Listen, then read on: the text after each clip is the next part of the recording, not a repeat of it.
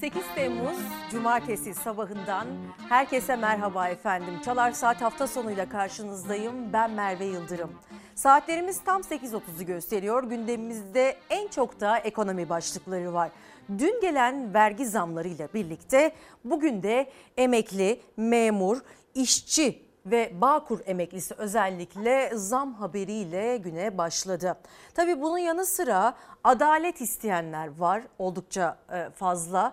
E, dün zam haberleriyle birlikte e, aslında bir göçün gerçekleştiğini ülkemizde söyleyebiliriz. Çünkü cep telefonlarını kaydettirmek isteyen ya da daha uygun fiyata temin etmek isteyenler yakın ülkelere otomobiller otomobilleriyle karayoluyla ulaşmaya çalıştılar. Tabii ki KDV'den ÖTV'ye, MTV'den diğer zamlara kadar gündemimizin en önemli konusu bu efendim. Tabii gece zamları ile ilgili e, konuşacak çok şeyimiz var. Sizlerin de yorumları bizler için çok değerli. Merve İldirim TV, Twitter ve Instagram'dan yorumlarınızla bize katılabilirsiniz. Öncelikle sıcak başlıklarla başlayacağız ama ben hemen bizim manzaramızı göstermek istiyorum sizlere. En azından gözünüz gönlünüz açılsın. Bugün İstanbul'da biraz daha serin bir hava var. Malum bu hafta çok yüksek seviyede sıcaklıklarla boğuşmuştuk. Bir yandan da sinek istilası vardı. Özellikle bebeği olan, çocukları olan aileler e, kovucularla, koruyucularla bu meseleyle baş edemiyor. Yerel yönetimlere büyük iş düşüyor ilaçlama konusunda. Türkiye genelinde çünkü bir sivrisinek istilası söz konusu. Bu da hayatın içerisinden bir detay olsun efendim. Cumhurbaşkanı Erdoğan'la Ukrayna Cumhurbaşkanı Zelenski İstanbul'da görüştü. O görüşmenin detaylarıyla ilk haberimizi sizlerle paylaşmış olalım. Şüphesiz Ukrayna NATO'ya üyeliği hak ediyor.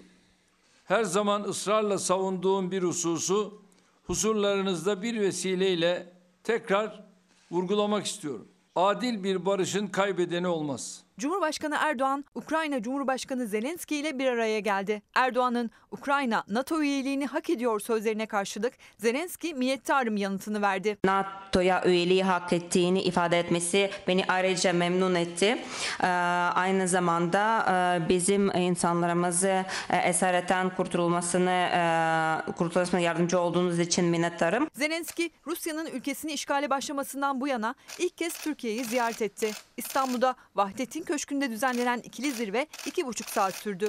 Ana gündem maddesi Rusya ve Ukrayna arasındaki esir takasıyla tahıl koridoru anlaşması olan görüşmenin ardından Erdoğan ve Zelenski ortak basın açıklaması yaptı. Esir mübadelesi konusunda şu anda Ukrayna tarafında Sayın Başkanı dinledik. Rusya tarafıyla da görüşme halindeyiz. Onlarla da görüşüyoruz. Konuyu Sayın Putin'le görüştüm ve önümüzdeki ay Sayın Putin'in de bir aynı zamanda Türkiye ziyareti olacak. Tekrar bunu yüz yüze görüşme imkanımız olacak ama bu arada bazı telefon görüşmelerimiz olması halinde de Sayın Putin'le bu konuyu yine ele alacağız. Esir mübadelesi bu takaslar konusu bizim gündemimizin de öncelikli konularındandır. Cumhurbaşkanı Erdoğan 17 Temmuz günü süresi dolacak olan tahıl koridoru anlaşmasının uzatılması için çalışma içinde olduklarını söyledi. Zelenski ise savaşın ardından Türkiye'ye sığınan Ukraynalı ailelere gösterdiği misafirperverlikten dolayı Türk halkına teşekkür etti. İnsanlarımıza ve Ukrayna Ukraynalı ailelere gösterdiğiniz misafirperverlik ve saygı için minnettarım. Bu e, ilgili anlaşma da e, imzaladık. E, Türkiye'nin barış planımıza olan desteği için minnettarım. Erdoğan Zelenski zirvesi sonrası iki ülke arasında stratejik endüstriler alanında mutabakat zaptı imzalandı. Efendim şimdi gazete manşetlerine bakalım. Aslında çoğunlukla ekonomi detaylarını göreceğiz. Gelen vergi zamlarının detaylarını. En başta Cumhuriyet Gazetesi mi Sözcü geldi. Hemen paylaşıyorum. Kendim ettim, kendim buldum. Son zaman son zamlarla gül gibi sararıp soldum diyor Sözcü gazetesi. Kuş kadar maaş zammı, zammıyla geçim savaşı veren milyonlar gece yarısı KDV, ÖTV ve ve harçlara yapılan rekor zamlarla başlıktaki şarkıyı söylemeye başladı. Son seçimlerde AKP iktidarına verilen yetkinin ve Bakan Şimşek'in acı reçetesinin etkisi önceki gece saat 03.56'da kendini gösterdi. Zam yağmurunu bir kez daha gündeme getirerek başlıyor Sözcü gazetesi cep telefonu, temizlik ve hijyen ürünleri, akaryakıt, alkol ve sigara, genel KDV, pasaport, noter ve vize harçları, mobilya, şans oyunları, bedelli askerlik, pet şişe su, kredi, BSBM, e, BS, BSBMV çok özür diliyorum. E, beyaz eşya, her şey A'dan Z'ye ne yazık ki yüksek oranda vergilendirildi. Ve tabii ki bunun yansımalarını önümüzdeki günlerde daha fazla e, iliklerimize kadar hissetmeye devam edeceğiz efendim. Cumhuriyet gazetesi gelsin şimdi. İkinci adım gece zamları. İlk 5 ayda 700 bin işsiz. işsizlik sorununu ne yazık ki her geçen gün daha fazla yükseldiğine tanıklık ediyoruz. E, bu enflasyon yüksekliğiyle birlikte bu KDV zamlarıyla birlikte bir yandan da yeni işsizler ortaya çıkıyor. E, IMF programı ile ilgili bir detay var Cumhuriyet Gazetesi'nde. İyi Parti lideri Meral Akşener zamları adı konulmamış IMF programı olarak nitelendirdi. Tabii ki farklı farklı parti liderlerinden de yorumlar var. Deva Partisi lideri Ali Babacan fatura vatandaşa kesiliyor dedi. Gelecek Partisi Davutoğlu da sizin yaptığınızı deli dumrulu yapmaz diyerek bu ifadeleri kullanarak tepkisini gösterdi. CHP sözcüsü Faik Öztrak da saray kaşıkla dağıttığını kepçeyle geri alıyor diyerek sözlerine devam etti. Ana muhalefet lideri Kemal Kılıçdaroğlu'ndan bir şey duyduk mu? Hayır efendim.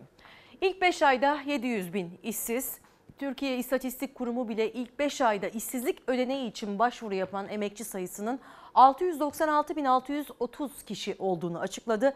Mayıs 2023'teki başvuru sayısı da 121.690 kişi. İşsizlik maaşı almaya hak kazananların sayısı ise daha ilk 5 ayda sadece 302 bin.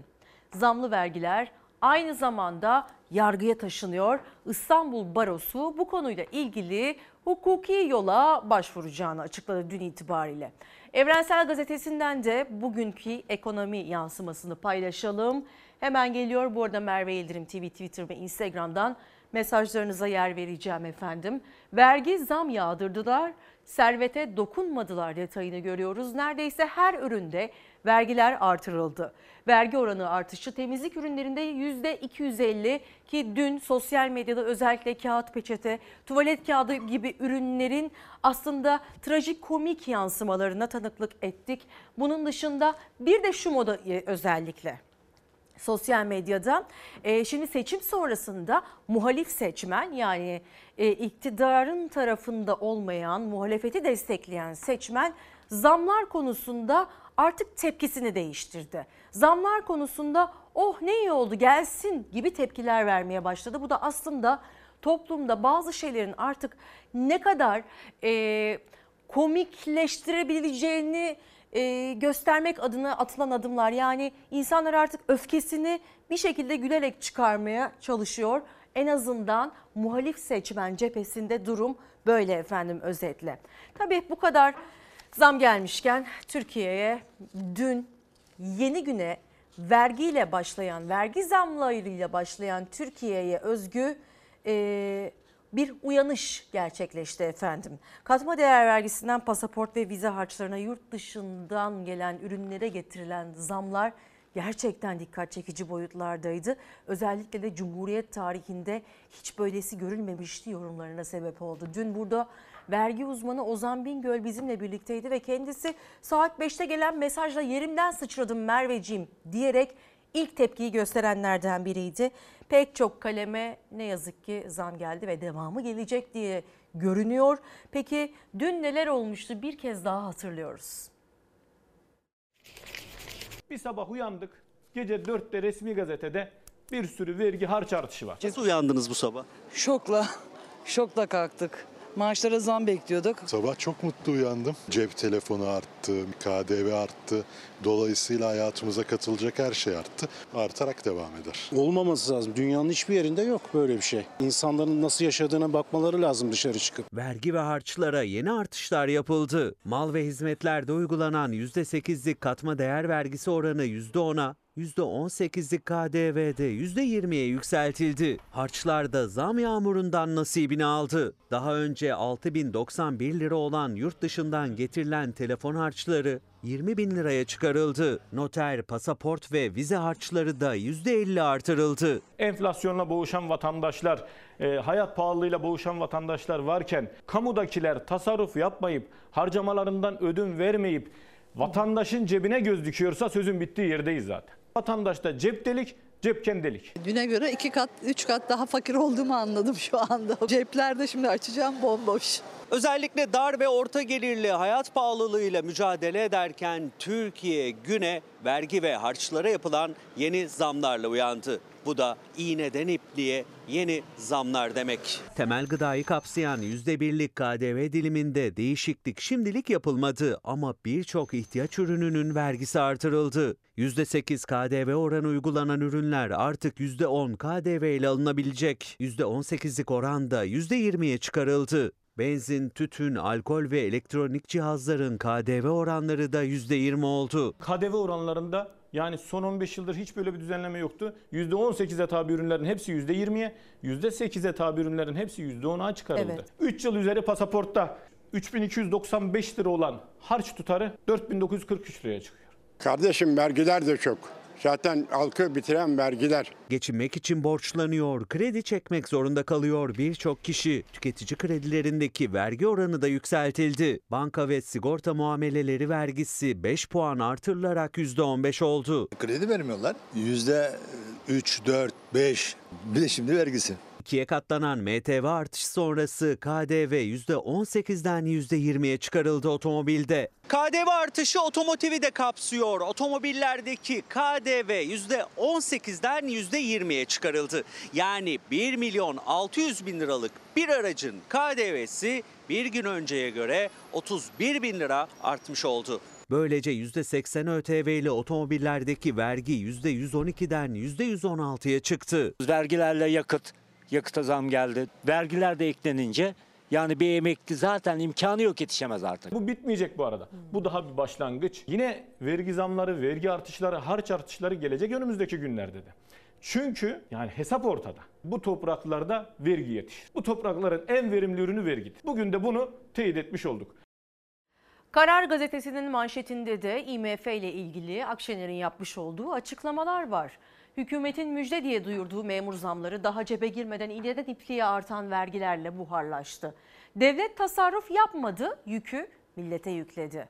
Özellikle farklı farklı yorumlar var ekonomi otoritelerinden. Kerim Rota diyor ki satın alma gücü daha da düşecek. Hakan Kara diyor ki bütçe dengesi yeniden tesis edilmeli ancak bütçe tedbirleri tasarruftan ziyade vergilere yüklendi. Uğur Gürses devasa bir bütçe açığına koşarken vergilerin artacağı açıktı. Sorun şu ki harcamaları kısma konusunda bir çaba yok.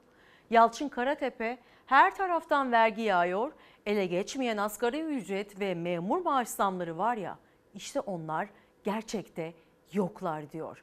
İşte efendim farklı farklı ekonomi pencereleri ve farklı farklı yorumlar. En çok da aslında bu parayı ver verirken şimdi asgari ücrete, emekliye, EYT'ye yapılacak ödemelerle ilgili e, başka bir şey yapılamaz mıydı? Halkın üzerine KDV, MTV, ÖTV gibi zamları yüklemek yerine tasarrufa gidilemez miydi? En azından makam araçları belki azaltılamaz mıydı gibi konuları konuşuyoruz. E bir yandan da bakıyoruz bakanlıklara da hiç ek bütçe çıkarıldı. E yani demek ki bakanlıklara da aslında vatandaş dolayısıyla vatandaş yoluyla ek vergiler yoluyla vatandaş fakirleştirilerek bakanlıklara da ek bütçeler sağlanmaya çalışılıyor. Yani anlaşılan o ki Mehmet Şimşek'in geçtiğimiz günlerde hatırlarsanız Mehmet Şimşek'i burada savunmaya çalışmıştım. Çünkü şu anda e, Türkiye'nin içerisinde bulunduğu durum Nebati ve Berat Albayrak'tan kalan bir manzara. E, ve bundan sonrası için aslında Mehmet Şimşek'in ne gibi adımlar atacağı ve ne gibi önlemler alacağı önemliydi. Ama görüyoruz ki yeni ekonomi bakanımızın da e, kullanmış olduğu yöntem halkın üzerinden bir şekilde yeni gelirler yaratma yöntemi. Dün gece yarısı gelen zamlarla birlikte muhalefet de tepki gösterdi. Önce siz tasarrufa gidin dedi muhalefet liderleri ama tabii ki Twitter'da. İnsaf. Bu nedir? Bu nasıl zam yapmaktır? Bu nasıl vergileri arttırmaktır? Bu nasıl bir zulümdür? Memleketimizde adı konmamış bir IMF programı uygulanıyor. Kemer sıkılacaksa önce israfı şatafatı bırakıp kendiniz kemer sıkın da görelim. Bir konuda feragat edecekseniz 85 milyonun cebine gözünüzü dikmeyin. Uçaklarınızı, korumalarınızı, yazlık sarayınızı, giderlerinizi kısın. İğneden ipliğe zamlar yağmur gibi gelirken, yeni vergiler, zamlar gelecek iddiası konuşulurken muhalefet iktidara önce israfı kesin, kamuda tasarrufa gidin diye seslendi. Milletin sırtına vurdukça vurdunuz. Vergiyle ne verdiyseniz geri aldınız. Yazıklar olsun. Bu nasıl bir utanmazlık? Bu nasıl bir aymazlık? Saray seçim öncesi kaşıkla dağıttığını seçimden sonra vatandaştan vergiyle zamla adeta kepçeyle geri alıyor. Bu kadar zam yapmasına izin verilseydi Nebati Bakan da bu ekonomiyi gayet rahat yönetirdi. Maliye Bakanı Şimşek istikrardan, mali disiplinden bahsediyor. Bunun meali şudur. Bu kemer sıkma politikasıdır. Bu sefer kemeri insanların ümüğüne geçirerek sıkma peşindeler. Türkiye yüzyılı dedikleri şeyin de nasıl bir yüzyıl olacağının emarelerini de daha bugünlerden görmeye başlıyoruz. Türkiye 100 yılı vizyonu işte bu yeni dönemin yol haritasını ifade ediyor. Ekonomide ülkemizi her yıl ortalama yüzde 5,4 oranında büyüttük. Milli gelirimizi 236 milyar dolardan 1 trilyon dolar sınırına getirdik. Zamlara çığ gibi tepki gelirken Cumhurbaşkanı Erdoğan büyüdük, milli gelirimizi artırdık dedi. Zamlara liderlerse sosyal medyadan tepki gösterdi. Temel insani ihtiyaçlara haraçla ekonomi düzelmez. Acı reçeteyi iktidar önce kendisine uygulamak zorunda. İtibardan tasarruf olmaz. İlk 5 ayda taşıt kiralama giderleri 995 milyon. Sarayın temsil ve ağırlama giderleri 484 milyon. Sarayın gizli hizmet gideri 1 milyar 373 milyon ama hiç bunlardan tasarruf aklınıza gelmiyor. Sizin yaptığınızı deli dumrul yapmaz, cahil, iş bilmez ekonomi yöneticileriniz ülkemizin ekonomisini çökertip kenara çekildi. Faturasını ödemek de milletimize mi düştü? Daha insanlar ücretini alamadan 1200 lirayı kaybettiler. Aynı şeyi şimdi önümüze getirdikleri ücret artışlarında da yaşayacağız. Daha bugünden açıklanan zamlar henüz yasasını görüşmediğimiz zamları eritmeye başladı bile. Emekli, çalışan zam yağmurunun şokunu yaşarken muhalefet zamlar karşısında ücretlerdeki artış eridi tepkisi yükseltirken iktidara da önce kamuda tasarruf edin diye sesleniyor. CHP tepki çeken ek motorlu taşıtlar vergisini de Anayasa Mahkemesi'ne taşıyacak. Milli dayanışma paketi diye sunduğunuz bu teklifin aslında ismi yerli ve milli zam paketidir. Bu torba yasada gizlediğiniz kazıklar var millete. Başka bir şey yok. En düşük memur maaşını 22 bin liraya yükselten, deprem için ek motorlu taşıtlar vergisi getiren torba yasada komisyona geldi. Muhalefetin protestosu bekleniyordu ama sakin geçti. Ali Aydın diyor ki kademeli, hakkaniyetli, adil bir emeklilik sistemi istiyoruz. 2000'lere kademe. Özellikle de emeklilikte yaşa takılanlar ve emeklilik için çokça mesajımız var ve gündemin en sıcak konularından biri efendim. Cumhurbaşkanı Erdoğan İl başkanları toplantısının ardından hem CHP'yi hem de CHP lideri Kemal Kılıçdaroğlu'nu sert sözlerle eleştirdi. CHP içindeki değişim sancısına da gönderme yaptı Erdoğan ve CHP kurmayları Cumhurbaşkanı'nı gündem değiştirmeye çalışmak, çalışmakla suçladı. CHP Genel Başkanı bebek katillerini öven gazeteci kılıklı terör sevicilere sahip çıkmayı sürdürüyor. Erdoğan eğer terör sevicilikten, bebek katillerini övmekten bahsediyorsa önce saraydaki aynalısına bir bakacak. Kimin bebek katilinin mektubunu seçim kazanmak için okuttuğunu bir hatırlayıverecek. Cumhurbaşkanı Erdoğan gazeteci Merdan Yanardağ'ın tutuklanmasına tepki gösteren CHP lideri Kılıçdaroğlu'nu hedef aldı bir kez daha. CHP'den seçim sürecinde montajlanmış kara yılan videosu 2019 yerel seçimlerinde İmralı'dan gelen mektup hatırlatmasıyla yanıt geldi. Kemal Kılıçdaroğlu'nu sürekli eleştiriyorsun. Hadi çık yarın televizyonda televizyonda kim bebek katiliyle yürümüş yürümemiş bu zamları konuş. Ha onu da yapabilecek yüreğin yok. Dün baba oğul videosu çekenlerin bugün gırtlak gırtlağa gelmesinin değişim adı altında yürütülen kayıkçı kavgalarıyla bizim işimiz olmaz. Baba oğul parti içi meseleler kendisini ilgilendiriyor. Türkiye'nin meseleleriyle ilgilenmesi gerekirken, yoksullukla, bu zamlarla ilgilenmesi gerekirken Cumhuriyet Halk Partisi'ni konuşuyor. Bugün değişim diye Bolu'dan Ankara'ya yürüyenler ve ona her türlü hakareti yapanlar e dün genel başkanınız Ankara'dan İstanbul'a yürüyordu. E o zaman yollar yürümekle aşınıyor muydu? E şimdi ne oldu? Yollar yürümekle aşınmaz demeye başladılar. Saraybolu Belediye Başkanı'nı savunuyor. Aslında bunu yaparak iplerin kimin elinde olduğunu da açıklıyor. Zammın, zulmün, adaletsizliğin baskını üstünü örtmek için muhalefeti nasıl karıştırmaya uğraştığını ortaya koyuyor. Çıkın sabah 9'da Cumhuriyet Halk Partisi'ni eleştirdiğin gibi yaptığın zamları da savunabilsene. Muhalefet zamları, vergileri soruyor Erdoğan'a. CHP'ye dönük sözleri için algı yönetimi gündem değiştirme diyor. Necip Hamlebitoğlu 2002 yılında evinin önünde uğradığı saldırıda öldürülmüştü. Kırmızı bültenle aranan o suik- suikastin tanığı Gökhan Bozkır, Türkiye'ye getirilip yargılandıktan sonra adli kontrol şartıyla tahliye edilmişti. Başka bir davadan ceza alan Bozkır'ın firar ettiği ortaya çıktı. Ya kırmızı bültenle mitin bir operasyonla getirdiği bir adam nerede bulunamıyor? Yurt dışında belki de. Ama adli kontrol vardı. Allah'ın cezaları kırmızı bültenle arayıp istediniz, operasyonda yaptınız. Artık ne yaptınızsa bize duruşmalar boyu ne izlettiniz siz? Biz anlamadık. MİT operasyonuyla Ukrayna'da yakalanarak Türkiye'ye getirilen Necip Hablemitoğlu suikasti sanığı eski Özel Kuvvet Komutanlığı görevlisi Nuri Gökhan Bozkır'ın firar ettiği ortaya çıktı. Hem Şengül Hablemitoğlu hem de muhalefet tepkili. Ocak 2022'de Bozkır'ın MİT operasyonuyla yakalandığını Cumhurbaşkanı duyurmuştu. Bu şahıs kırmızı bültenle aranıyordu. İstihbaratımız bu kişinin Ukrayna'da saklandığını tespit etti. Bu kişi Hablemitoğlu cinayeti zanlısı olarak şu anda ülkemiz yargısına hesap veriyor. Fethullahçı yapılanmalara ilişkin çalışmalarıyla tanınan Ankara Üniversitesi öğretim üyesi doçent doktor Necip Hablemitoğlu 18 Aralık 2002'de evinin önünde uğradığı silahlı saldırı sonucu hayatını kaybetmişti. Katil zanlısı Nuri Gökhan Bozkır 18 yıl sonra yakalanarak Türkiye'ye getirildi ama Mayıs 2023'te adli kontrol şartıyla tahliye edildi. Tahliye edildikten sonra bir başka dosyadan mahkeme tutuklama kararı verdi. Nuri Gökhan Bozkır nerede?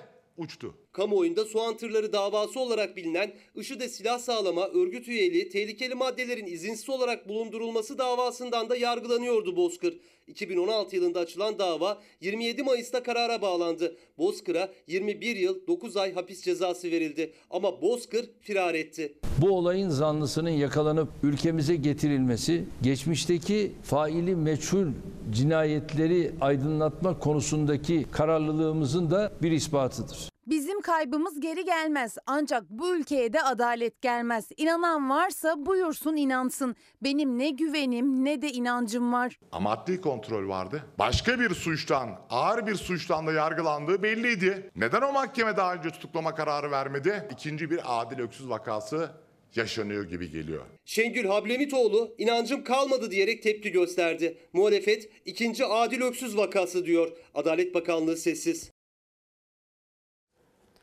Efendim bugün önemli bir konuğumuz var. Türkiye Eğitim Vakfı Genel Müdürü Banu Taşkın hanımefendi bizimle birlikte olacak. Şimdiden dikkat buyurmanızı rica ediyorum. Özellikle eğitimde fırsat eşitliğine dair konuşacaklarımız var. Bağışlar çok önemli ve e, eğitim almak isteyen, eğitim almak için çırpınan öğrencilerimiz ve çocuklarımız olduğunu unutmayalım. Dolayısıyla yardımlaşmanın en değerli olduğu e, süreçte hangi derneğe, hangi sivil toplum kuruluşuna bağış yapacağınız da çok önemli. Güvenilir kurumları sizlerle buluşturmaya gayret ediyoruz. Şimdi okul demişken Hollanda'ya gideceğiz. Çünkü Hollanda'da okullarda cep telefonu yasağı uygulayan ülkeler arasında e, artık. Amaç öğrencilerin teneffüslerde de arkadaşlarıyla sosyalleşmesini sağlamak. Türkiye'de ise öğrenciler okula telefonla gidebilse bile ders sırasında telefonla ilgilenmeleri yasak. Ama o yasağı da deliyor çoğu genç. Bu konu önemli bir konu. Özellikle de Z kuşağının eğitim aşamasında bazı değişimlerin olduğunu kabul etmek zorundayız. Ve Milli Eğitim Bakanlığı'nda belki bu konuda e, bazı çalışmalar yürütmesi gerekiyor. Bence de yasak olması lazım. Ben de istemiyorum açıkçası. Oyun oynuyor. Başka bir şeyle ilgilenmiyor. Sosyal hayat yok. Dersi yok. Hiçbir şey yok. Veliler şikayetçi. Öğrenciler telefonla okula gitmesin, derslerine ağırlık versin, arkadaşlarıyla sosyalleşsin istiyorlar. Derslerini etkiliyor mu sizce? Ha, kesinlikle etkiliyor. Yüzde yüz etkiliyor. Eskiye dönelim. Bizim zamanımızdaki liseyle şu andaki lisenin arasında uçurum var. Hollanda okullarda cep telefonu yasağı için düğmeye basan ülkeler arasında. 1 Ocak 2024'ten itibaren yasağa cep telefonlarının yanı sıra tablet ve akıllı saatler de dahil olacak. Amaç öğrencilerin ekran başında geçirdiği süreyi kısaltmak. Eğer uygulamada başarı sağlanamazsa yasal düzenleme yapılması da planlar arasında. Ya okula gidiyoruz, okulda bırakıyoruz. Derslerde e, bizim özel dolaplara koyuyoruz. Bir açıdan iyi olabilir aslında. Hani bu çünkü öğrencilere biraz negatif et- etkiliyor bence. Kutuya bırakıyorlar, akşam çıkışta alıyorlar. Bence daha iyi olur. Bazı kişiler oynuyor. Telefon götürebiliyorum. Sokuyorum abi ben bir şekilde okula. Aslında Türkiye'de de yasak var. Sınıfa girmeden telefonların bırakılması gerekiyor ama her okulda düzenli uygulanmıyor. Fransa'da ise 2018'den bu yana yasak okula telefon götürmek. Son olarak da 15 yaş altı için sosyal medya kullanımını veli iznine tabi tutan yasa tasarısı kabul edildi. Sosyal medyada kendini paylaşanlar sürekli elinde telefon. Bazı veliler özellikle İstanbul gibi büyük şehirlerde güvenlik sebebiyle öğrencilerin telefonunun yanında olmasını istese de çoğu veli ders sırasında öğrencinin telefondan uzak kalması gerektiği görüşünde. Bence yasaklanmasın. Acil bir şey olduğu zaman ulaşmam lazım. Dersteyken kapalı tutacak. Teneffüslerde kullanacak. Efendim Türkiye Eğitim Vakfı Genel Müdürü Banu Taşkın hanımefendi bugün burada ve çok önemli, çok mühim bir meseleye parmak basacak. Ee, hoş geldiniz Banu Hoş bulduk, Hanım. teşekkür ederim. Ee, özellikle e, eğitimde sıkıntılar yaşandığı, ekonomik e, sıkıntıların ve buhranların baş gösterdiği bu süreçte çocuklarımıza iyi eğitim vermek çok ama çok değerli. Şimdi sivil toplum kuruluşlarımız çok fazla Türkiye'de ama insanlar şimdi yardım yapacağı zaman acaba güvenilir mi? Acaba nereye yapmalıyım yardımımı diye düşünüyor. E, keşke böyle olmasaydı ama en azından güvenilir olan sivil toplum kuruluşlarımızı da ben bugün burada sizin aracılığınızla bir kez daha gündeme getirmek istiyorum. Çok teşekkür Türkiye Eğitim Vakfı ne yapar efendim? Çok teşekkürler. Öncelikle çok kısa rakamlarla Türkiye Eğitim Vakfı'nı bir anlatayım isterseniz. Ee, 56. yılımızı kutladık. Bugüne kadar 270 binin üstünde burs vermiş Türkiye Eğitim Vakfı. E, 2000'in üstünde de yurt dışı bursuyla yurt dışında ilim, irfan öğrenen gençlerin tekrar Türkiye'ye gelerek bu öğrendiklerini hayata geçirmelerini sağlamış. Aynı zamanda 31 tane e, eğitim kurumumuz var. Bağışçıların destekleriyle yapılmış Milli Eğitim Bakanlığı'na devredilmiş. Evet. Üç tane kız öğrenci yurdumuz var. Barınma çok önemli bir problem malumunuz. Dolayısıyla yeni yurtlarımızla da Ankara'da bir yurt projemiz var. Yeni Mahalle Belediyesi ile bir protokol imzaladık. Keza İzmir'de de bir bağışçımızın e, yapmaya e, istediği bir e, bir yurt var. Dolayısıyla kız öğrencilerimizin barınma problemlerini çözmeye çalışıyoruz. Aynı zamanda bizim böyle üstün potansiyeli olan alev alev yanan gençlerimiz için bir lisemiz var. Tevitöl isminde Gebze'de yatılı bir lise. Böyle hani her koldan aslında hem gençlerimizin biraz önce söylediğiniz gibi eğitime ulaşmak isteyen, eğitim için yanıp tutuşan gençlerimize vesile olmaya çalışıyoruz. Her sene Eylül ayında bir çağrı açıyoruz. Gelin bize başvurun burs için diye. Yaklaşık her sene 50-60 bin başvuru alıyoruz. Geçen sene 13 bin öğrencimizle birebir mülakat yaptık. Evet. E, ve bu mülakatlarda tabii e, gerçekten duyduğumuz, içimize çok yakan eğitim için e, imkan arayan öğrencilerimizin sesleri var. Aslında size de bir video yollamıştık. Hatta biliyorum Evet. hemen Zafer bize o videoyu o, ulaştırsın. E, bu video biraz insanın kalbine dokunuyor. Ama bunlarla yüzleşmeliyiz çünkü bunlar Türkiye gerçeği ve işte Türkiye Eğitim Vakfı da bu konuyla ilgili elini taşın altına koyan sivil toplum kuruluşlarında.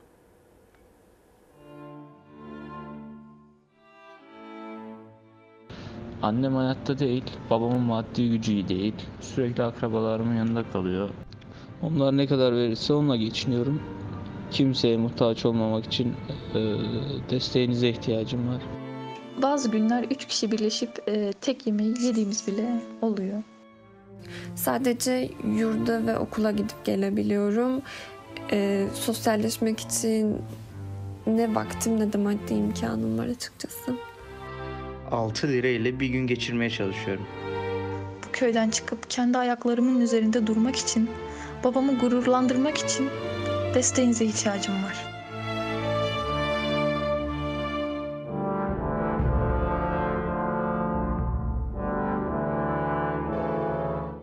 Eğitimler ve hayaller yarıda kalmasın diyorsunuz. Ama başka e, projeleriniz de var Türkiye Eğitim Vakfı olarak. Evet haklısınız. Bizim hep söylediğimiz motto o.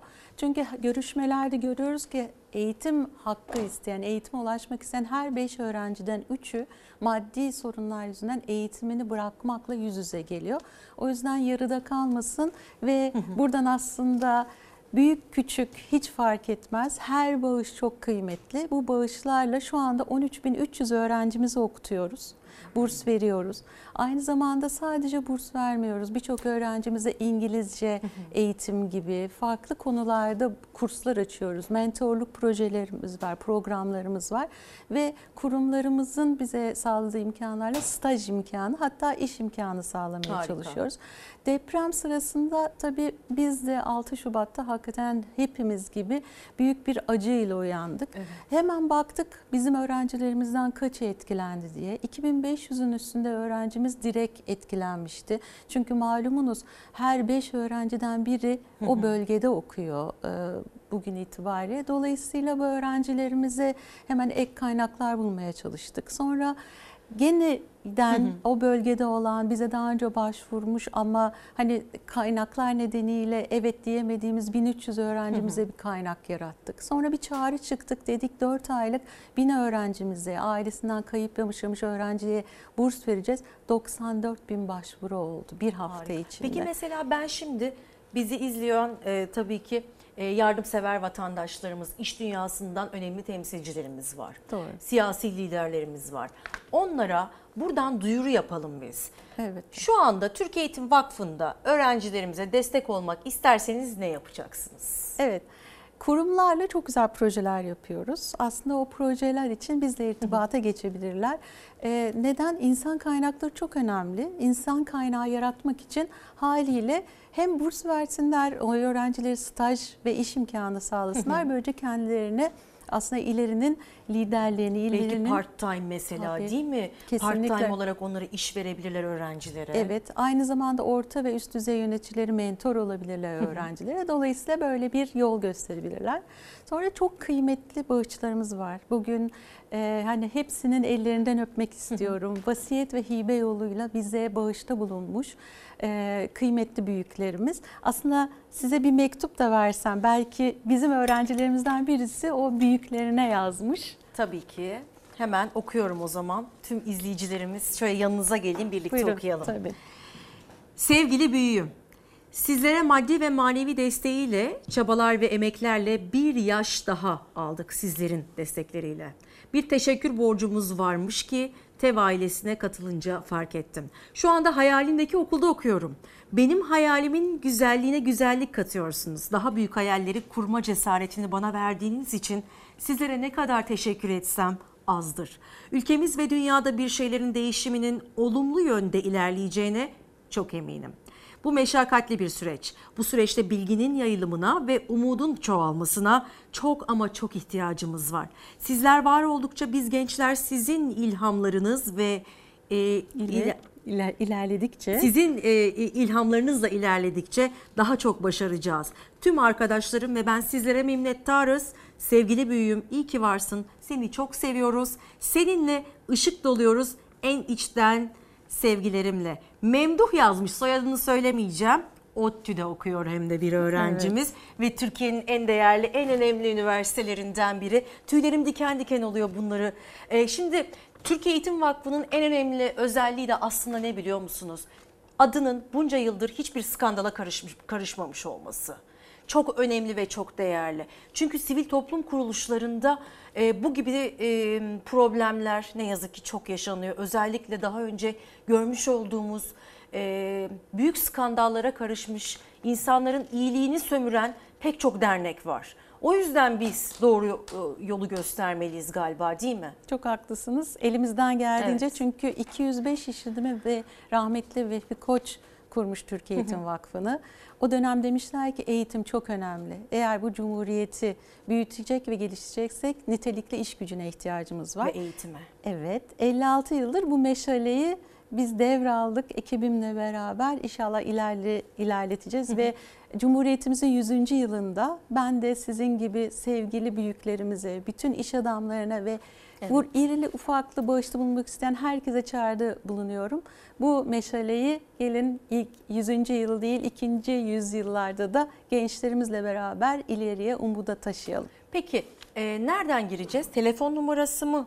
Yoksa banka hesabı mı? Aslında internette her şeyi bulmak mümkün.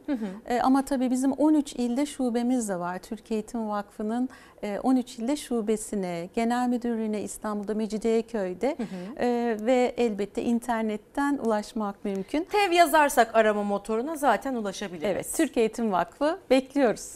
Ama Instagram ve Twitter'ınızda var bildiğim evet kadarıyla evet değil tabii mi? çok da güzel projelerimiz var. E, takip ederlerse çok memnun oluruz. Çünkü biz de ancak bizi takip edenlerle ilham alıyoruz ve daha da ileriye ancak böyle gidebileceğimizi düşünüyorum. Evet o zaman hem öğrencilere, gençlere hem de ebeveynlere, büyüklere buradan bir kez daha seslenmiş olalım. İş dünyamıza özellikle ben buradan ayrıca seslenmek istiyorum.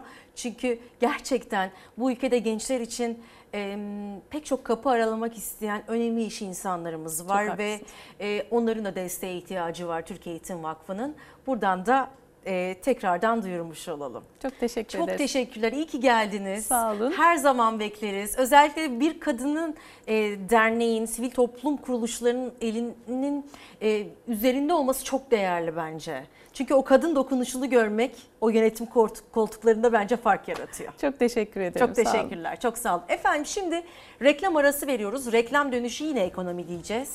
Maalesef ülkenin gerçeklerine geri dönmemiz lazım. Efendim tekrar günaydın dileklerimizi iletiyoruz. Ekip olarak Çalar Saat hafta sonu devam ediyor. Saatlerimiz 9.22.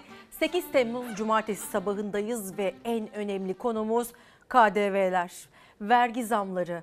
Tabii ki tüketicinin alım gücü yüksek enflasyon sebebiyle günden güne düşerken katma değer vergisi oranlarına gelen zamla birlikte daha çok endişe boyutuna ulaştı. Şimdi fiyatlar yine yükselecek. Marketlerde ve kasalarda ödeme güçlüğü ne yazık ki daha yüksek boyutlara ulaşacak. KDV'ye zam geldi. İyi. Zaten veriyoruz. Biz vergi de yaşıyoruz zaten. Bugün sabah uyandık ve KDV oranlarının 8'den 10'a, 18'den 20'ye çıktığını, genel anlamda KDV oranlarının yukarı çıkartıldığını gördük. Cumhurbaşkanı kararıyla katma değer vergileri arttırıldı. %8 olan KDV %10'a, %18'lik KDV ise %20'ye çıkarıldı. Bu en temel ihtiyaç malzemelerinde bile zam demek. KDV arttı, her şey arttı. Böyle faiz zamlar gelmiyordu. Çok kötü yoldayız. Böyle gidişat berbat bir durumdayız ya. Et alamıyoruz ya. Etçiydik, tavukçu yaptılar.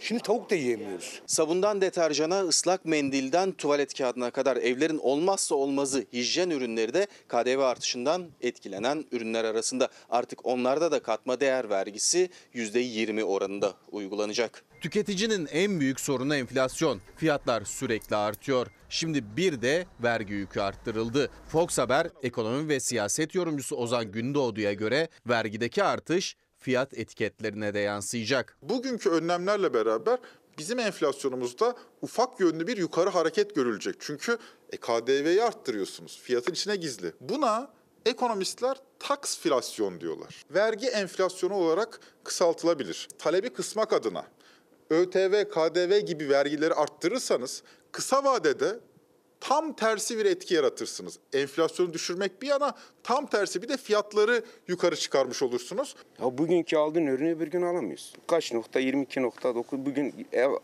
bir gün sonra bir 25'tir. Bir gariban öyle olmuş ekmek alamıyor yani. Katma değer vergisi %1, %8 ve %18 olarak uygulanıyordu şimdiye kadar. %8'lik KDV dilimine giren ürünlerde oran %10'a, %18'lik dilime girenlerin de %20'ye yükseltildi. %1 KDV uygulanan ürünlerle ilgili ise bir karar alınmadı. Dünya ekonomisi zaten kötü ama bizim ülke tamamen bittik yani. Günübirlik fiyatlar değişiyor. Vergi artışı aslında olmasa daha iyi olurdu da sıkıntı şöyle gıda üzerinde var. Yani yani yiyecek içeceklerde falan öyle şeyler de var. KDV artışıyla birlikte gıda maddeleri de dahil olmak üzere neredeyse her ürüne zam gelmesi bekleniyor. Tüketici zamma alışkın ama hiç olmazsa vergi zammının nereye harcandığını öğrenmek istiyor. Maalesef ne yapıldığını bilmiyoruz.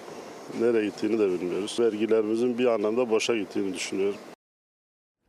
Yıllar önce de aynı şeyleri yaşamıştık ama tabii ki o çok önceydi. Şimdi yaşamamız biraz utanç verici. Hatta Yeşilçam'a bile konu olmuştu KDV. Katma değer Şaban filmine gidiyoruz efendim. Rahmetli Kemal Sunal'ı ana ana bitiremedik. Çünkü Yeşilçam'da eskiden topluma aynı olan detaylar vardı. Şaban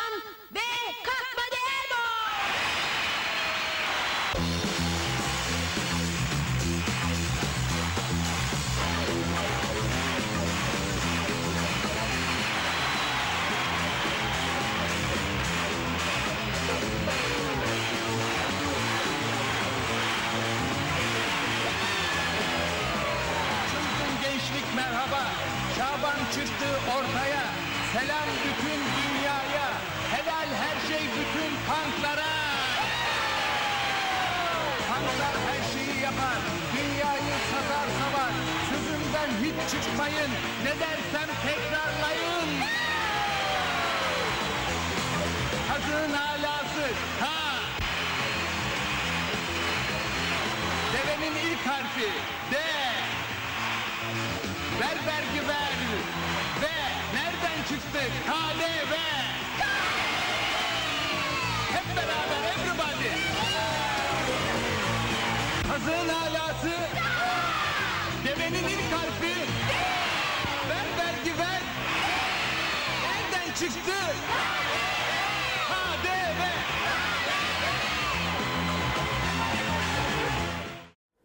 Tıpkı muhalefet seçmenin şu anda vermiş olduğu tepkilere değinmiş Kemal Sunal zamanında efendim. Emeklilere bakıyoruz. Emekliler alacakları zam oranına tepkililer. Çünkü günden güne gelen fiyat artışlarıyla baş edebilmek için refah payı ya da seyyanen zam bekliyorlardı. Özellikle büyük şehirlerde yaşayan emekliler artık ayakta kalmak bizim için bir mucize diyor. Hakikaten de mucize. Onların zam oranı daha az olsa da artırıldı. %19,77'den %25'e çıkarıldı. Peki bu pahalılıkta acaba işin içinden bu kez çıkabilirler mi? İstanbul'da emekli olmak. Çok zor.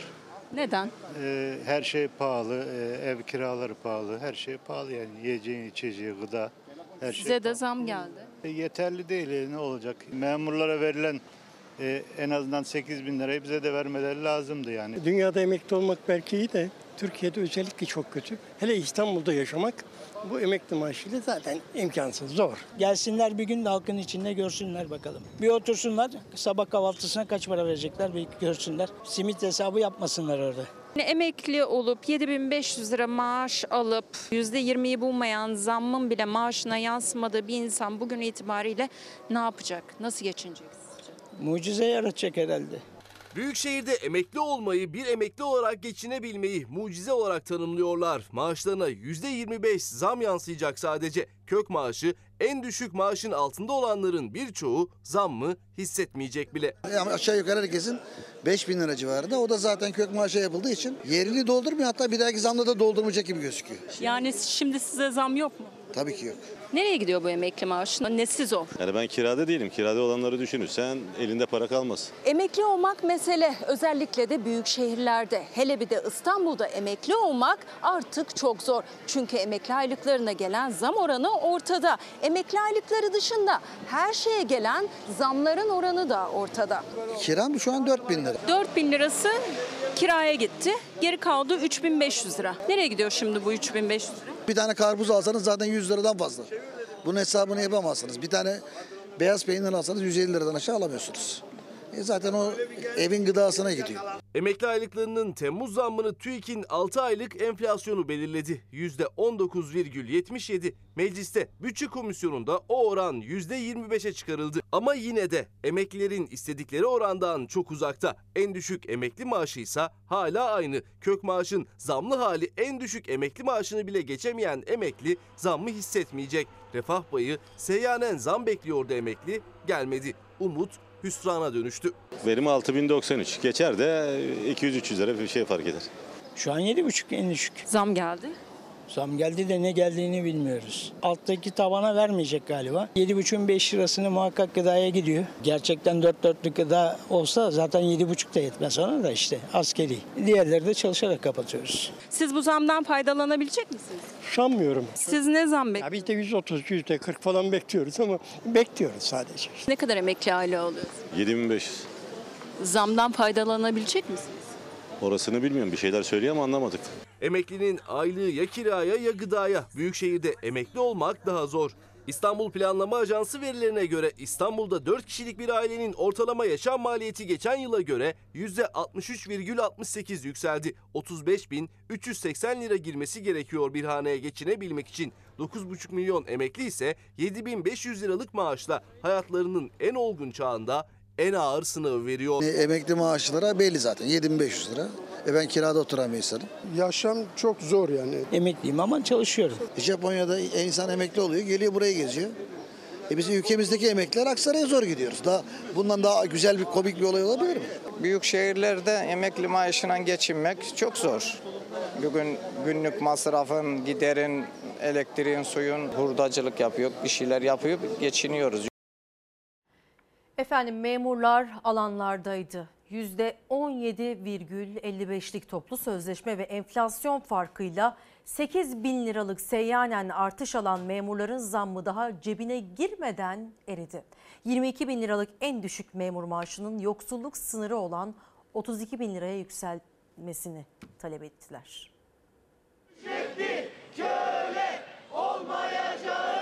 Her şeye zam geldi. KDV %18, %20'ye çıkarıldı. %8, %10'a çıkarıldı. Motorlu taşıtlar vergisi iki katına çıkarıldı.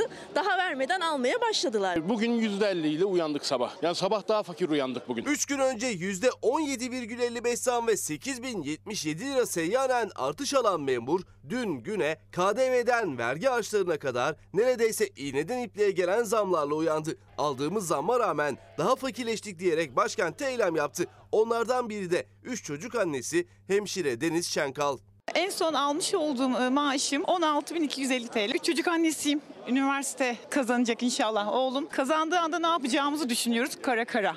Yurt ücretleri yıllık 150 bin liradan başlıyor. Ben yoğun bakımda acaba yarınki faturam ne kadar gelecek diye düşünmek istemiyorum. Yönetemediğiniz ekonomisinin faturasını biz memurlara kesemezsiniz. Devletin memuru yoksul olamaz. Hükümetin meclise gönderdiği düzenlemeyle en düşük memur maaşı 22 bin liraya yükseldi. Ancak memurlar bu rakam yoksulluk sınırının çok altında ve yetersiz diyerek ses yükseltti. Birleşik Kamu İş Konfederasyonu ve ona bağlı genel sağlık iş meydanlardaydı. Devleti temsil eden memur sadaka temsili zama mahkum edilemez. 28 yıllık öğretmenim. Şimdi sözde 22 bin lira olacak ama benim çocuğum İzmir'de üniversitede okuyor. 9 bin lira bir artı bir evine kira veriyor. Yoksulluk sınırı 32 bin lira olmuşken yoksulluk sınırı üzerinde bir maaş talep ediyoruz. Yani öncelikle yoksullu olmak istiyoruz. 8 bin liralık seyyanen zam emeklilikte alacakları maaşa da ikramiyeye de etki etmeyecek. Memurlar tepkili 22 bin lira olan en düşük memur maaşının 32 bin liraya çıkartılmasını istiyorlar. Benim zammım bugün gelen her kaleme olan vergiyle bitti, eridi. Cebime gelmeden bitti. Uzman öğretmenim. Benim maaşım 26 bin lira. Kiram 6 bin lira ama eski kiracı olduğum için. Ev sahibi çık dese yeni ev tutmaya kalksam zaten İstanbul'da yaşıyorum ben. 20 bin lira zaten kiralar. Öğrencilik yıllarındaki halimize dön- döndüler artık. Kaşıkla verip kepçeyle geri aldı. Motorlu taşıtlar vergisini bir defaya dahil iki kere alacağım diyor şimdi. Biz bir defasını ödeyemiyoruz zaten. Memurlar Plan Bütçe Komisyonu'nda görüşülecek memur maaş artışlarının yeniden düzenlemesini isterken o düzenleme Bütçe Komisyonu'nda kabul edildi. Sağlık çalışanları da zammın yetersiz olduğunu söyleyerek iş bıraktı. Niye iş bırakıyorsunuz? Maaş zamlarını protesto için. En az 34 olması lazım. Eşim de yeni emekli oldu. Bir yıl oldu. Hala ay başını zor getiriyoruz. Ben sağlık teknikeriyim. Diğer memurlar gibi tamamen kapıya kilit vurmuyoruz. Gene hastane içerisindeyiz ama iş üretmiyoruz. Kamunun her alanında çalışan memurlar %17,55'lik enflasyon ve toplu sözleşme zammını ve 8077 liralık seyyanen artışa ses yükseltmeye devam ediyor. Ücretli köle olmayacağız. Vergi ve harçlardaki zam yağmurundan en büyük payı yurt dışından getirilen cep telefonları aldı. Kayıt için 6091 lira ödeniyordu. Gece yarısından sonra bu rakam 20 bin lira olacak. Oldu hatta. 7 ay önce yani 2023'e girmeden 2732 liraydı. Son fahiş artışla birlikte yurt dışından getirilen cep telefonları için ödenecek kayıt ücreti 7 ayda 7 kattan fazla yükselmiş oldu. İstanbul'dan köyüme geldim. Köyde de bu vergilere zam gelince e, direkt Gürcü'ye geldik. Kuyruğu görüyorsunuz. İnsanlar bayağı bir akın etmiş durumda. 6 bin lira 20 bin lira duydum. Şimdi onu halletmeye gidiyorum. Ucuza telefon almanın yolu ne oluyor genelde Türkiye'de yaşayanlar için? Yurt dışından getirmek. Türkiye'nin sınır noktaları doldu taştı. Gümrük kapılarında telefon yoğunluğu vardı. Çünkü vergi ve harçlardaki zam yağmurunda rekor yurt dışından getirilen telefonların kayıt ücretinde oldu. 6091 liraydı. %228 artışla 20 bin liraya çıkarıldı cep telefonu kayıt ücreti. CHP Erzincan Milletvekili Mustafa Sarıgül zam yağmuruna tepki gösterdi. Bu şemsiyeyi niye açtım biliyor musunuz? Gece 04'ten bu yana sürekli zam yağmurları geliyor. Zam yağmurlarından korunmak için açtım. Ya her şey bir tarafa da bu gençlerin telefonundan ne istediniz? 115 kilometre geldim. Bugün yaptırırsak 6 bin lira. 12'ye kadar yaptırmazsan 20 küsür bin lira. Yurt dışından telefon alıyoruz zaten. Ama bugünden sonra alamayacağız Neden? artık. 20 bin lira yaptılar. Bunun da e, cazibesini kaldırdılar. Benim telefonum da yurt dışından bu arada. Bayağı bir ucuza aldım. Kaç bin lira avantaj elde ettiniz? Neredeyse yarı yarıya. 20 bin liradan daha fazla bir kar elde ettim. Aynı marka, aynı model telefonun Türkiye'deki satış fiyatı 57 bin lira. Yurt dışındaysa 1000 dolara satılıyor. Üzerine Türkiye'ye getirildiğinde 6 bin lirada kayıt bedeli ekleniyordu. O büyük kur farkına rağmen hala arada bir telefon daha alabilecek kadar fark kalıyordu. Ta ki son gelen zamlara kadar. 50 bin liraya 60 bin liraya aldığımız telefon e, 20 bin lira 30 bin lira kadar kar bırakıyordu. Şu an o da kalmadı yani. Ucuza telefon alma şansınız kaldı mı? Yok kalmadı. Pasaport, noter ve vize harçları da %50 oranında artırıldı. Telefon kayıt ücretindeki artışsa %228'i buldu. 2732 lira olan kayıt ücreti 2023 yılına girerken 6091 liraya yükseltilmişti. Son zamla 20 bin lira oldu. Yani 7 ayda 7 katın da üzerinde artış yaşandı. Zam kararının resmi gazetede yayımlanmasının ardından sınır kapılarında da cep telefonu yığılması yaşandı. Zam öncesi vizesiz giriş yapılan Gürcistan'a akın vardı.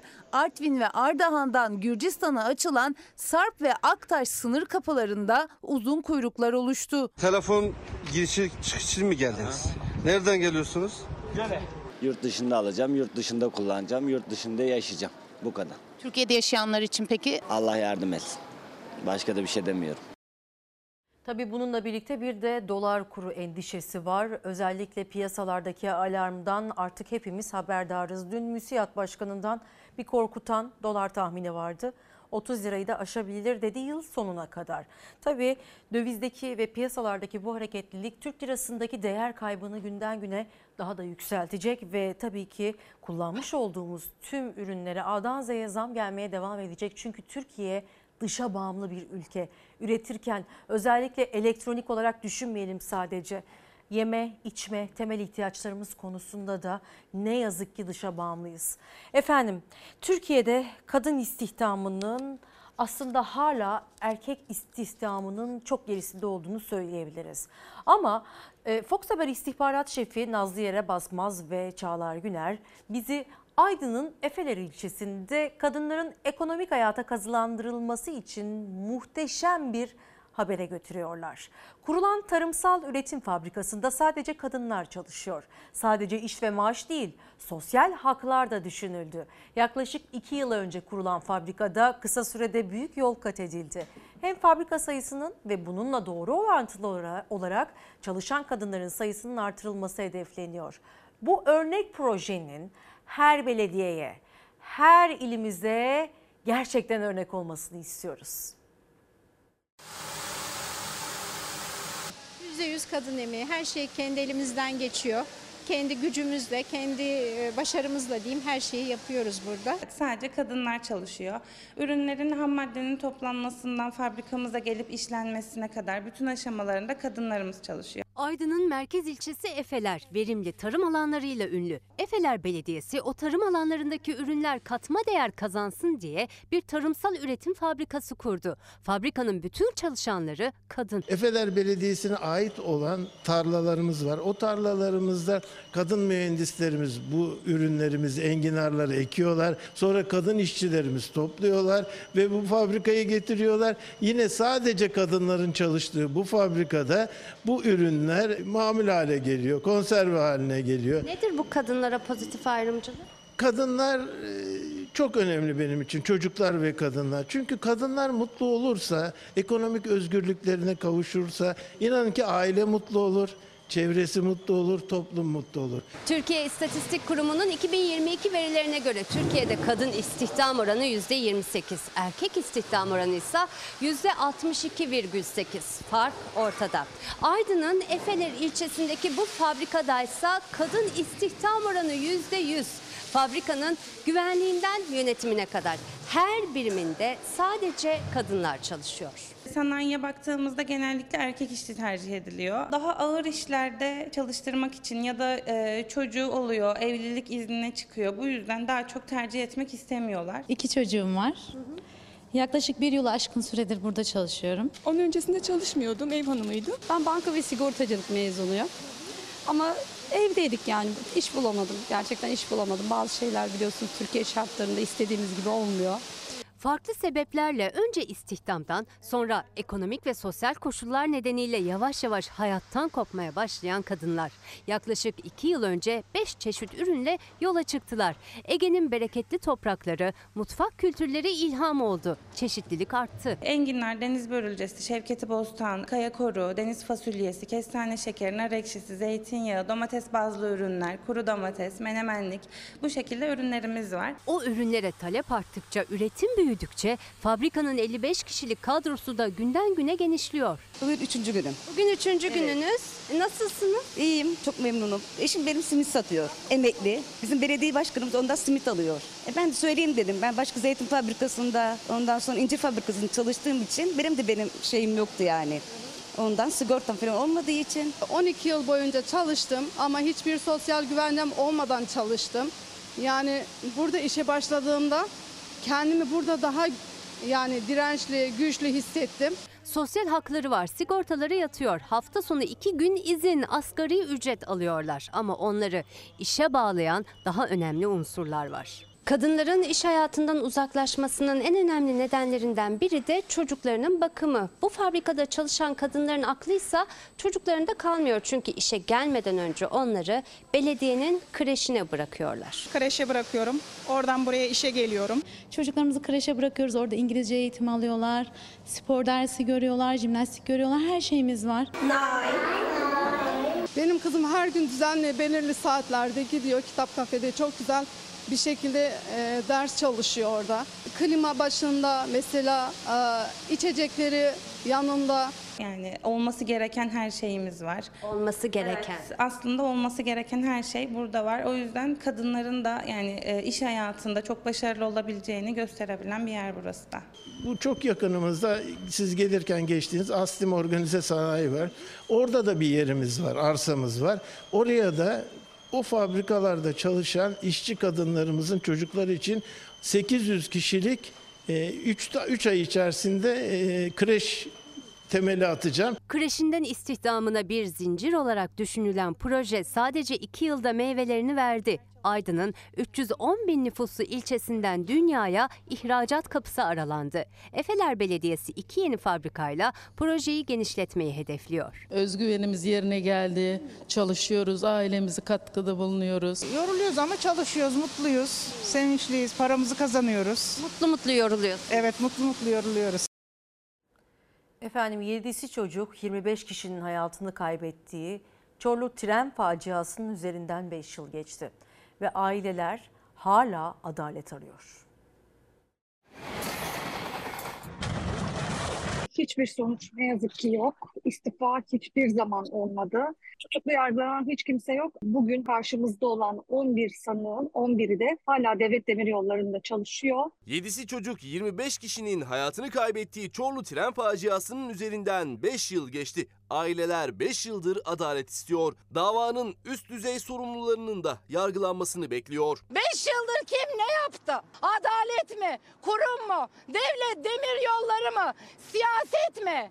Ne yaptı? Hiçbir şey. 8 Temmuz 2018'de yağıştan altı boşalan menfezler raydan çıktı. Halkalı uzun köprü seferini yapan tren Çorlu'da ihmallerin getirdiği o kazada 7'si çocuk 25 kişi hayatını kaybetti. Şunu söyledi bugün tanıklar. Altyapı yapılmadan e, hizmete başladı bu tren bu yol üzerinde dediler ve eksik personelle çalışıldığını söylediler.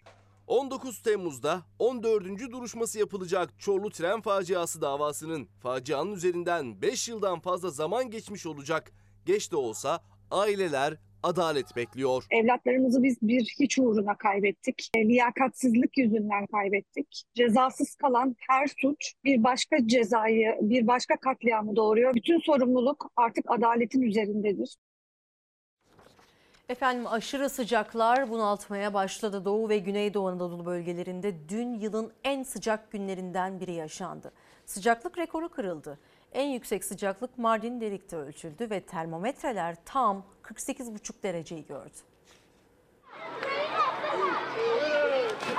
Doğu ve Güneydoğu Anadolu bölgesi sıcaklık rekoru kırdı. Vatandaşlar 40 dereceyi aşan, kimi yerde 50 dereceye yaklaşan kavurucu sıcakta serinlemenin yollarını aradı.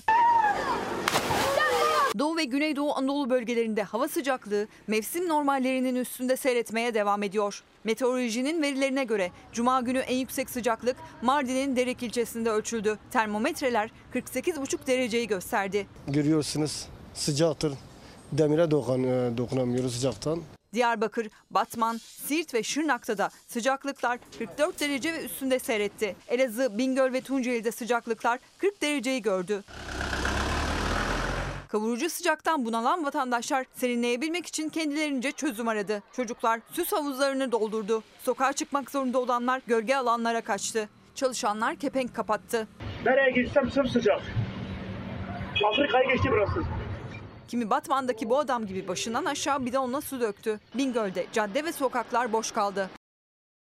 Tabii önemli olan nem oranı. Ee, nem oranı bu kadar yüksek değil ama tabii ki bunaltıcı sıcaklar bunlar ve yaz ayları orman yangınları için en riskli dönemler. İçişleri Bakanlığı yeni tedbirleri açıkladı ve tedbirler yeterli olmaz. Yangın çıkarsa da artık Türkiye'nin eli daha güçlü dedi. Bitkisel yangın söndürücülerle orman yangınları çevreye zarar vermeden çok daha kısa sürede söndürülebilecek. Diliyoruz ki yangın çıkmasın ama çıkarsa da gerçekten böyle olsun.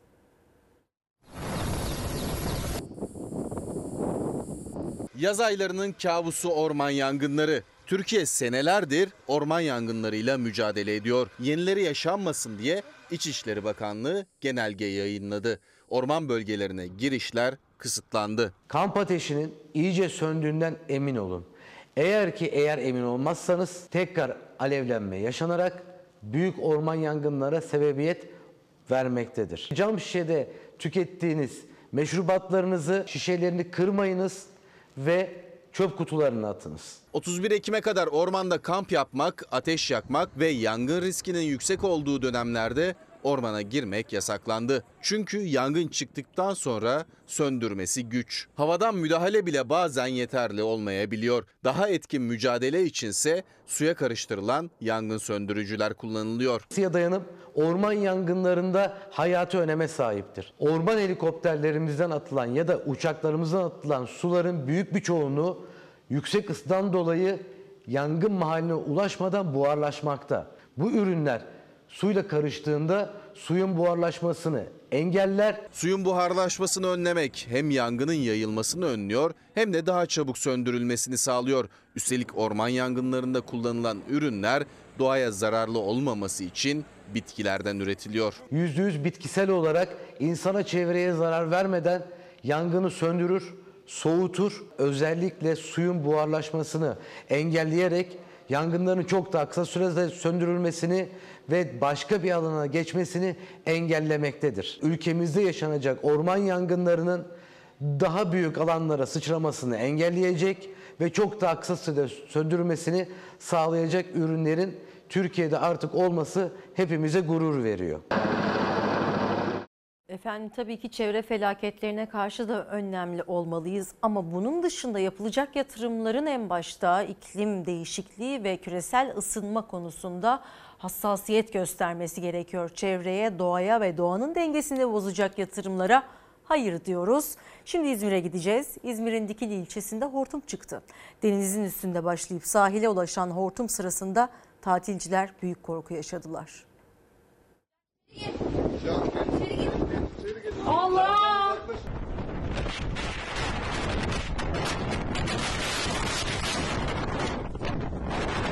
Denizin üstünde başlayıp hızla sahile ilerledi. Plajı birbirine kattı. Zaman zaman rüzgarın da etkili olduğu İzmir'in Dikili ilçesinde öğle saatlerinde deniz üzerinde hortum oluştu. Kısa sürede sahile ulaşan hortum tatilcilere korku dolu anlar yaşattı. Şemsiyeler uçtu, ağaçlar savruldu. Hortum sırasında tatilcilerden bazıları işte böyle ağaçlara tutunup kendisini korumaya çalıştı. O anlar cep telefonu kameralarına yansıdı.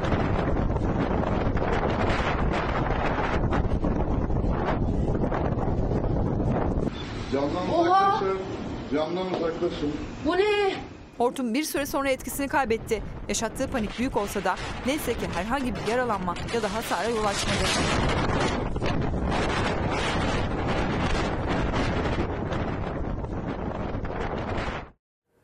Efendim bu yıl 64.sü düzenlenen Uluslararası Nasrettin Hoca Şenliği 2, 5 Temmuz günü Konya'nın Akşehir ilçesinde başladı. Şenlik 10 Temmuz'a kadar devam edecek. Bunlar güzel e, gösteriler ama dönüşte üzücü bir haberim var.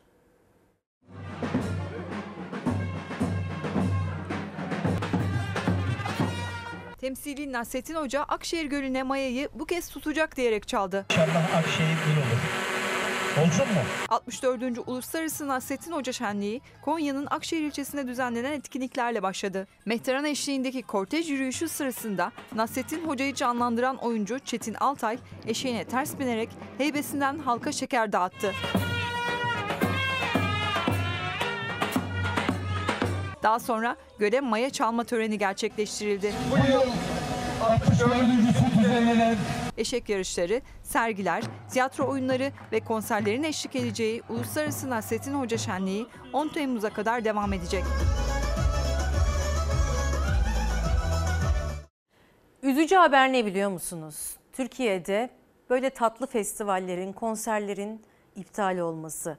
Şimdi bir örnek göreceksiniz. İktidara yakın Balıkesir Sivil Toplum Platformu tüm festivaller yasaklansın istedi. Özgürlüğe darbe Balıkesir'de düzenlenecek Ekoloji Festivali'nin iptali, iptalinin gerekçesi yangın değil gerici derneklerin baskısı çıktı.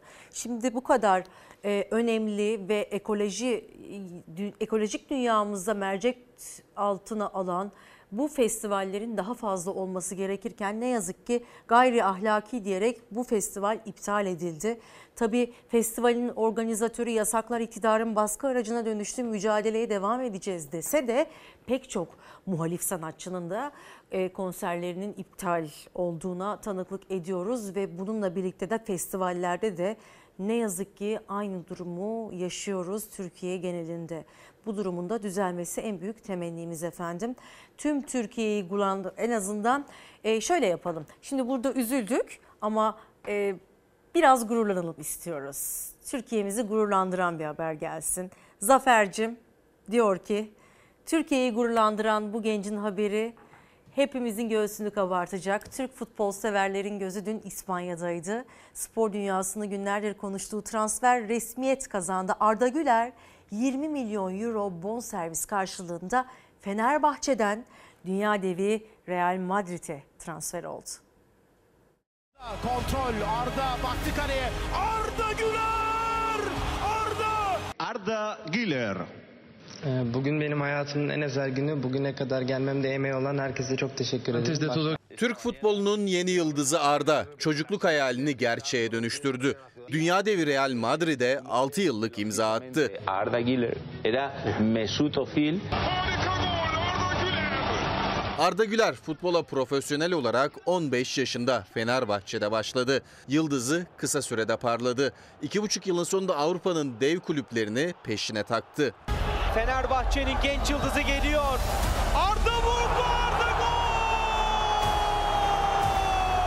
Milli Yıldız'a en ciddi teklifler İspanya'nın en büyük iki kulübü Barcelona ve Real Madrid'den geldi. Ezeli rekabette kazanan başkent Madrid ekibi oldu. İspanyol devi sosyal medya hesabından duyurdu transferi. Hoş geldin Arda dedi. Buranın bir parçası olmak benim için çok önemli. Real Madrid dünyanın en büyük kulübü. Çok mutluyum, çok gururluyum. 18 yaşındaki Arda Madrid'deki imza törenine ailesiyle katıldı. Tören öncesi genç yıldızın gollerinden oluşan bir klip izletildi. Duygulanan annesi gözyaşlarını tutamadı. Arda Güler annesini öperek sarıldı, destek verdi. Çok klas, çok teknik, çok akıllı. Başkan Perez, Real Madrid hayaliyle büyüyen bir çocuğu daha kadroya kattıklarını söyledi. Arda Güler'i size gururla takdim ediyorum dedi. Mesut Özil, Guti, Zidane bu takımda çok önemli isimlerdi. Ben de onlardan biri olmak istiyorum. Arda Real Madrid'le 6 yıllık sözleşme imzaladı. Alacağı ücret açıklanmadı. İspanyol kulübü transfer için Fenerbahçe'ye 20 milyon euro bonservis ödeyecek. Bu rakam performans bonuslarıyla birlikte 30 milyon euroya kadar çıkabilecek. 18 yaşındaki Arda ilk yılında 24 numaralı formayla sahaya çıkacak. Genç futbolcu Real Madrid'in Amerika Birleşik Devletleri'nde yapacağı sezon öncesi hazırlık kampına katılacak. Göz bebeğimiz. Türk futbolunun ve futbolcuların, tüm sporcularımızın yolu açık olsun. Önemli ve gurur verici gelişmeler bunlar. Efendim Çalar Saat hafta sonundan bugünlük bu kadardı. Günün diğer kalanı bize diliyoruz ki iyi haberler getirsin, yeni zam haberleri gelmesin. Emekliler bekliyor. Özellikle de kademeli emeklilik ve 2000 sonrası emeklilikle ilgili sıkıntılar çözülsün temennisiyle sizlere bir müzik arasıyla veda ediyoruz. Yarın sabah tekrar görüşmek ümidiyle Mor ve Ötesi Sevda Çiçeği isimli şarkıyı seslendiriyor.